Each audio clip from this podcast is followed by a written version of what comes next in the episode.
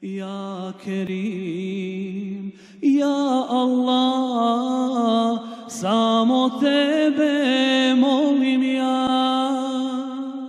Zači moja duša žudi u džennetu tvom ima.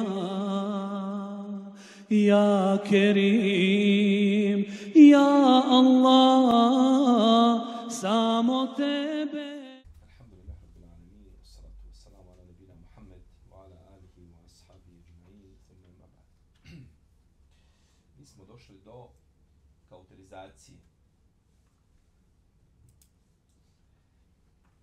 sunnetu poslanika sallallahu imamo skupinu hadisa koji kojima se navodi koji ukazuje da je legitimno liječenje posredstvom kauterizacije.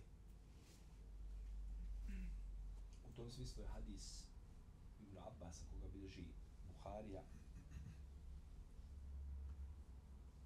da je poslanik, sam rekao, lijek je, lijek je u trima stvarima. U iđami, u pijenju meda i kauterizaciji. Pa, hadis ukazuje da je kauterizacija vid liječenja, to vid lijeka. I ovoj činjenici u prilog idu i drugi hadisi. Džabir radijallahu Allahom prenosi kako došlo kod muslima u sahihu da je poslanik sa osrme poslao ljekara u Beju ibn pa mu je presjekao jednu venu a zatim je kauterizirao. Tako da nema više čega. Krvarenja.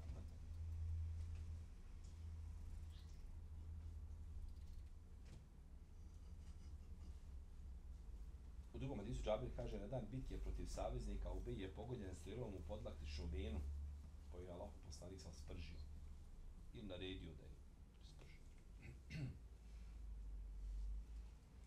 A u drugom hadisu spomni da je sad Ibn Muaz bio pogođen u podlakti venu pa mu je poslanik sam sve spržio na ruci nekim železom.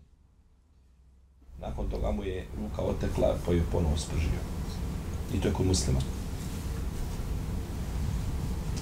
i navodi se da je Esad bin Zurari kautizirao ranu od ugoda trna. Vjerojatno da je bilo nešto, nekakav ugod, da je bio veći, pasniji.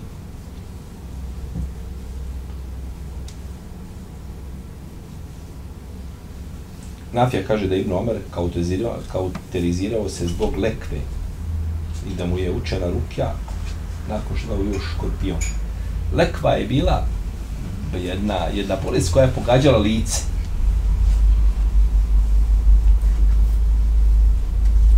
poznato njevo vrijeme. Kažu učenjaci da je bila takva da da usuče lice u jednu stranu. Ovako, pređu usne na jednu stranu. Kao čovjek koji ima tako, kod ljudi koji mi možda ne udari. Dešava se to, tako? Nešto u tom. Ima ljudi koji može, pa promah, dobar kada ga, kada ga udari, ovaj, je tako? Ostane taj taj. To je, kažu, bila takva bolest. Jel, poznata, leko. Tako kažu učenjaci uglavnom spominju, kažu to je bolest koja je pogađala lice. Ne spominju šta je. Pa sam se dobro naučio, naučio dok sam našao šta je, šta je u stvarnosti. Ovaj. Tako je bilo. Pa je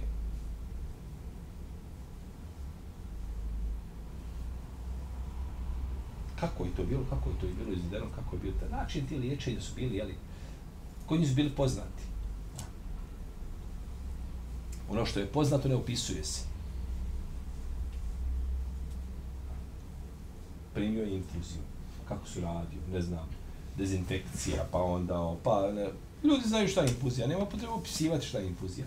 Tako ponekad određeni način liječenja, nećete ih naći u knjigama tefs, tefsira, komentara da su podrobno pojašnjeni kakvoća njihova, kako se to izvodi, kako se radi, zato što je to bilo poznato kod njih.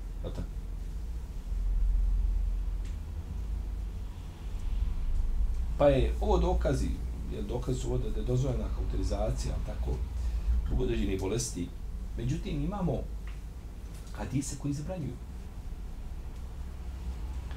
Kao hadis Ibn Abasa, kod Buharije da je poslanik sa osam rekao lijek je u trima stvarima u hijjami, pijenju meda i kauterizaciji vatrom. Ja svom umetu zabranjujem kauterizaciju. I kaže Imran Ibn Husayn, zabranio je poslanik sa osam kauterizaciju. Mi smo nakon toga bili iskušani bolešću, to smo, te smo se kauterizirali. Ali kauterizacija nije uspjela.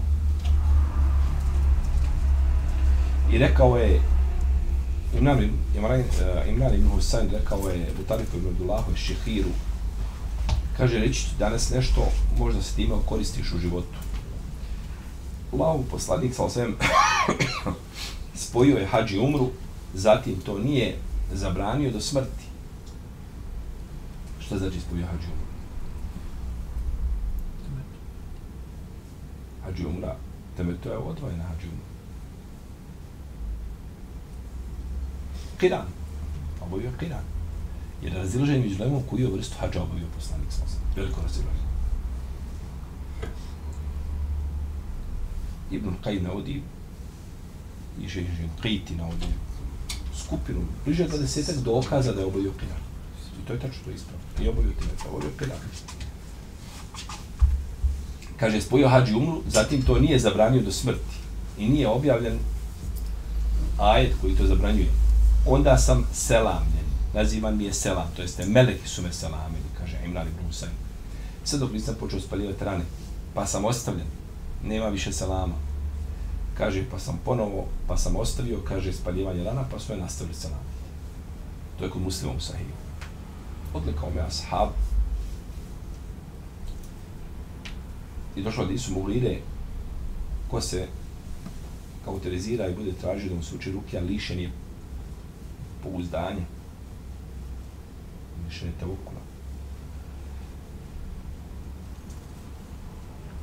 I ući 70.000 u džennet bez polaganja računa, pa su pitali ko su na lavu poslanič, kaže to su oni koji ne prže rane vatrom.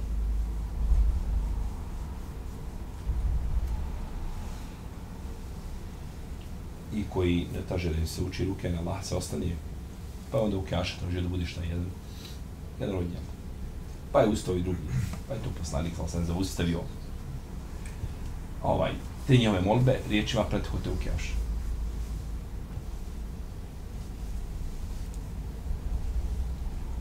I ima, ako nečemu ima lijeka, onda ima u hijjami, pijenju meda i kauterizaciji koja otklanja bol, a ja prezirem kauterizaciju i ne volim. Znači ovdje imamo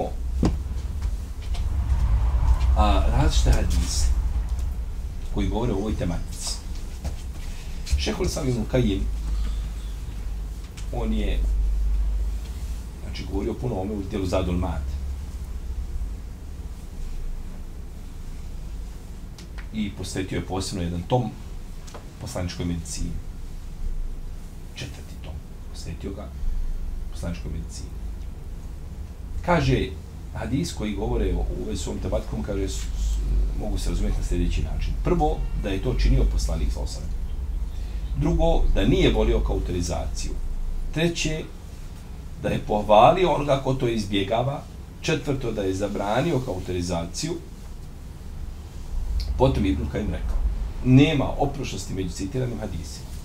Čudno. Nema oprošnosti šta među citiranim, sve, sve je to u redu za razliku od onih koji dok vide dva hadisa, samo mu nešto malo, a njemu malo i fali. Njemu malo i fali, jer on je, on je podložan tome da dok vidi dva hadisa, on se samo odmah, ovo nešto nije u redu, ovo je sigurno neko davio nešto pogriješio, ovo je nešto, kaže mu, kaj nema, nema tu ovaj kontradiktornosti. Nema oprečnosti. Kaže, postupak, postupak poslanika sam ukazuje da je to šta? Dozvoljeno. to što je poslanik sa svem prezirao kauterizaciju, kaže, ovaj ne ukazuje da je zabranio. Jer može nešto prezirati, ali šta nije? Zabranio. Preziranje nečega šta ne znači zabran. Kaže, pohvala onoga koje izbjegava ukazuje da je to preče ne činiti. Je tako? A što se tiče zabrane, kaže, a, malo sa zabranom, sa belaj, sa Sibnom Kajim doveo sebe, kaže i to ukazuje, kaže da je ona pokuđena. Ovaj, ili da je eventualno zabranjena ako nema potrebe za njom. Ha. Znači da svaki hadis ima svoj smisao i da u osnovi nije, jeste došlo se oni kada se naoko gledaju, mogu biti oprični. Međutim, u stvarnosti to nije tako. Što se tiče zabrane, kaže, ona ukazuje da je kauterizacija pokuđena ili da je zabranjena ako nema potrebe za njom, već se čini iz preventivnih razloga, iz bojazni da ne dođe do šta? Do bolesti. Ako se preventivno čini, e onda bi to bilo problematično. Ibn Kutejba Edine Ori kaže, postoje dvije vrste kauterizacije. Prva je preventivna kauterizacija protiv nastupanja bolesti. I kaže, u vezi s tom je rečeno, nije se oslonio na Allaha, onaj ko se kauterizira. Jer želi da izbjegne Allahu odredbu.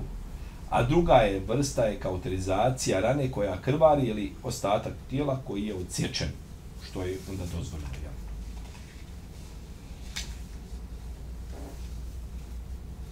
Imam al-Hatabi kaže, kauterizacija u globalu predstavlja legitiman način liječenja A u vezi sa hadisima kaže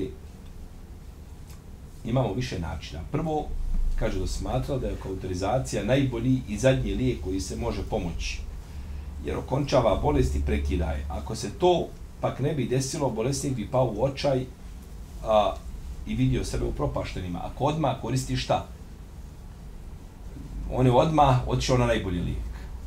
I ako to ne pomogne, onda je on u. Pa je, kaže, poslanik zabranio sam sam kauterizaciju u ovom slučaju.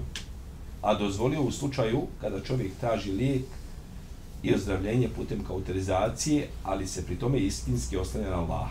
U tom slučaju bi, kaže, kauterizacija bila samo sredstvo u kome je uzvišen Allah učinio lijek, a nije ona ta koja isciljuje.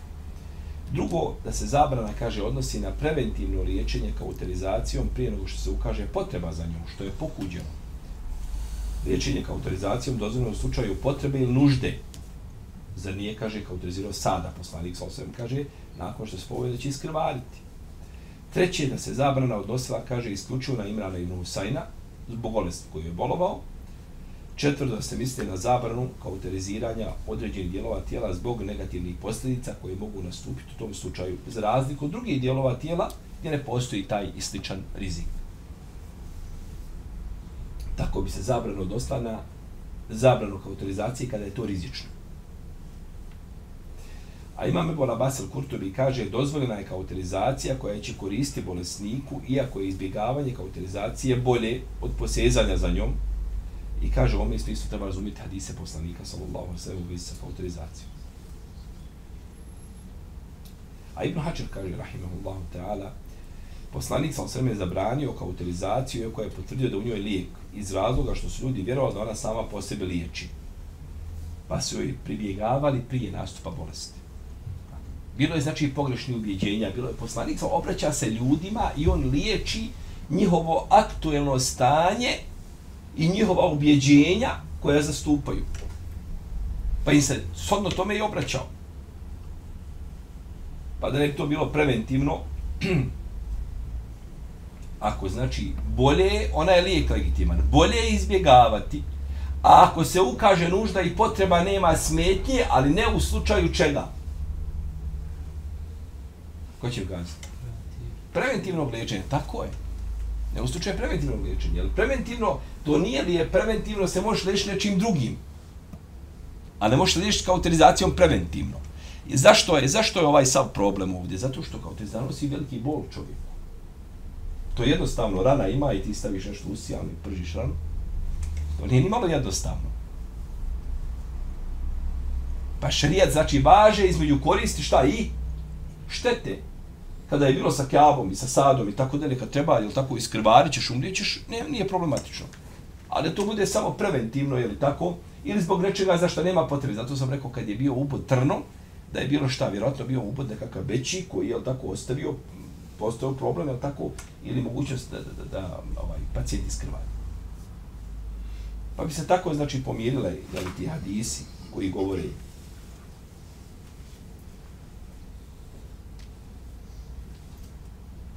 kaže Ibn Abdelber, nasuprot zabrane kauterizacije, nalazi se, kaže, jači hadisi koji ukazuje da je to dozvoljeno.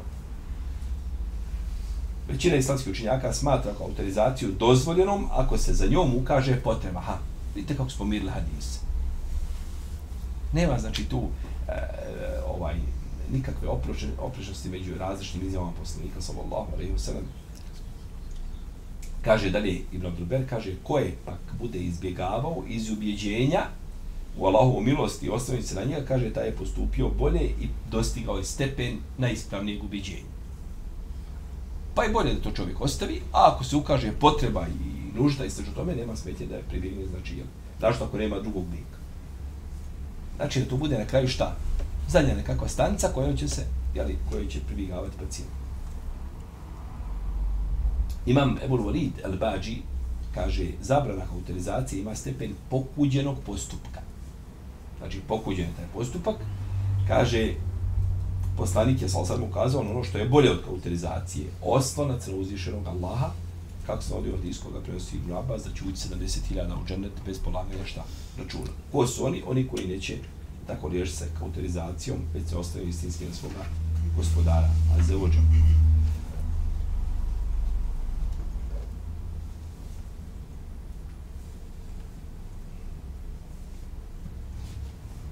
Neki učenjaci kako da se odnosi kauterizacija zabrana samo na određene vrste bolesti, ali nije na sve bolesti, nego određene. Sve je to plod razumijevanja različitih šta? Hadisa. Ali je preče pomiriti različite hadise koji, koji se, znači, ovaj, po spoljašnosti e, nisu skladni, po spoljašnosti, kažemo, pomiriti ih uz dozu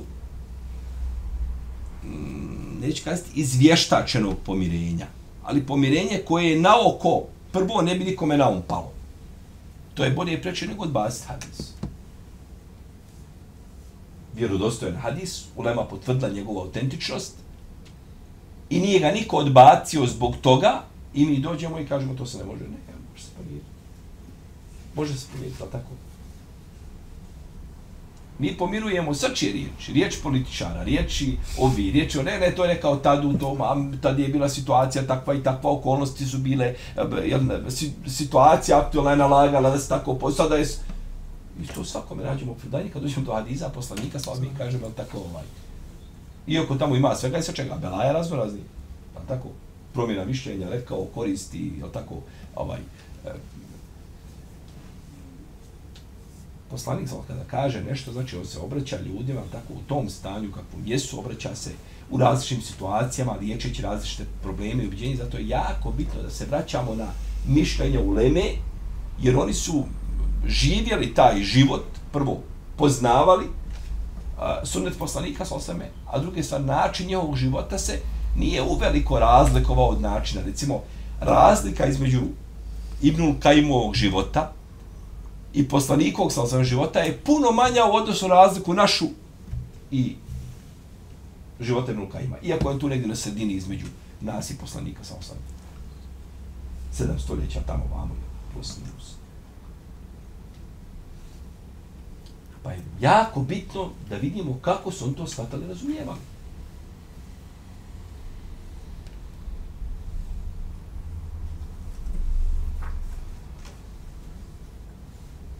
Pa ako postoji potreba, kazali smo, nije problematično, ali je preče i bolje čovjeku znači, da to izbjegava.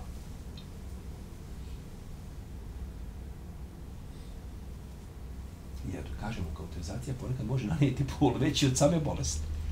Je li tako? Pa onda se pribjegava tome baš kada ha, nema drugog puta i načina. Dobro. Ili halal ili haram.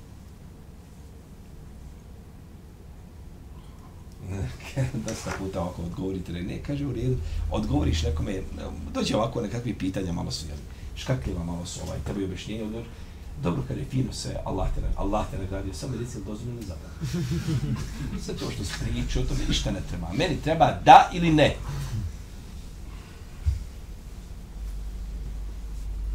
Dali smo odgovor. Imam Taberi Halimi kaže da je poslanik sam sam liječio sebe kauterizacijom Međutim, ovaj hadis, ne znam, nisam uspio naći takav hadis, ali ne bude znam. Imam Kurtovi kaže da je razlog zabrane kauterizacije to što čovjek sebe pali vatrom ili pati vatrom. A jedino uzvišen je Allah šta? Polaže pravo da kaže kažnjava vatrom. Kaže kako se ovdje u hadisu, nemojte kažnjavati Allahom kaznom. Dobro, ali ovdje je kazna, ovdje je šta? Liječenje, tako. Ima ta razlika.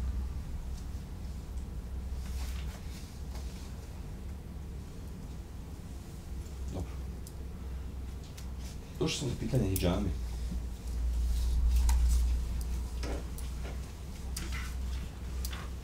Hijjama je poznati način znači, liječenja u vezi s kojim se navode brojni hadisi u sunetu poslanika s osam. Bila je poznata ljudima i prije islama. Poznali su stari grci, kinezi, stari egipćani, srici. Kao što se poznavali stanovnici Babilonske države i predislamski Arapi i drugi. A ima za cilj odstranjenje viška krvi koja šteti tijelu. Danas Ibn Malik prenosi da je poslanik sa osadame rekao najbolje čime se možete liječiti je puštanje krvi pomoću hijjame i morski kust. To je najbolje čime se možete šta? Liječiti. I došao od iskod imama Ibn Mađi je Budavu da je Buharide, da je poslanik sam sam rekao ako u nekom od vaših lijekova ima koristi onda ima u hijjami.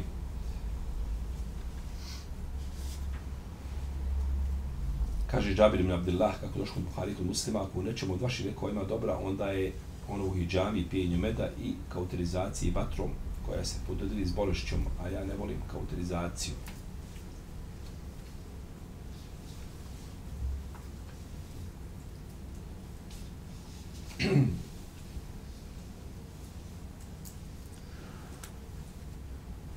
Džabri Abdullah je bio u posti kod Ibn Sinana, dok je bio bolestan, pa je rekao, neću otići odavde, kaže, dok mi dozvoliš da se pusti krv pomoću kupice. Ja sam čuo Allahov poslanika, sa osvijem da je rekao u puštanju, u puštanju krvi pomoću kupice je lijek.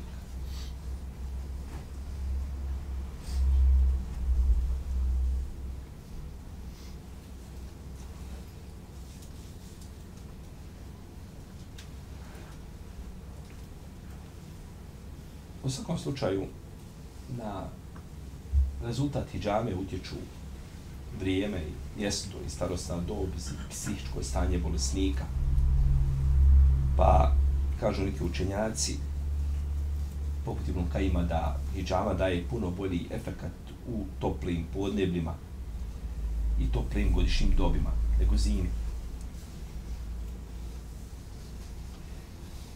Hijjama je oporuka meleka. rekao je poslanik sa osrme Hadisu ibn Abbas, kaže, divan je rob koji zna puštati krv kupicom i tako ostraniti nečistu krv i olakšati bol u leđima i onaj koji zna ostraniti krmelje iz očiju. Krmelje ove iz očiju misli se na suhe, one krmelje i misli se na, na sve što uznemirava čovjeka. Trunje nekako i nešto što ima, znači ovaj da to zna ostraniti kada je poslanik sam sam bio na Mjerađu, nije prošao ni po nijedne skupine kada mu nisu rekli prakticiraj puštanje krvi kupicom. I navodi skupina Hadisa u vezi s tim od Enesa ibn Malika i Ibn Mesuda da je poslanik sam prolazio pored Meleka da su mu oporučili i da oporuči da naredi svome umetu šta? I džamu ima skupina tisa da i u svome pogledu. Međutim, ima učenjaka koji su poja, pojačali ih na osnovu mnošta puteva.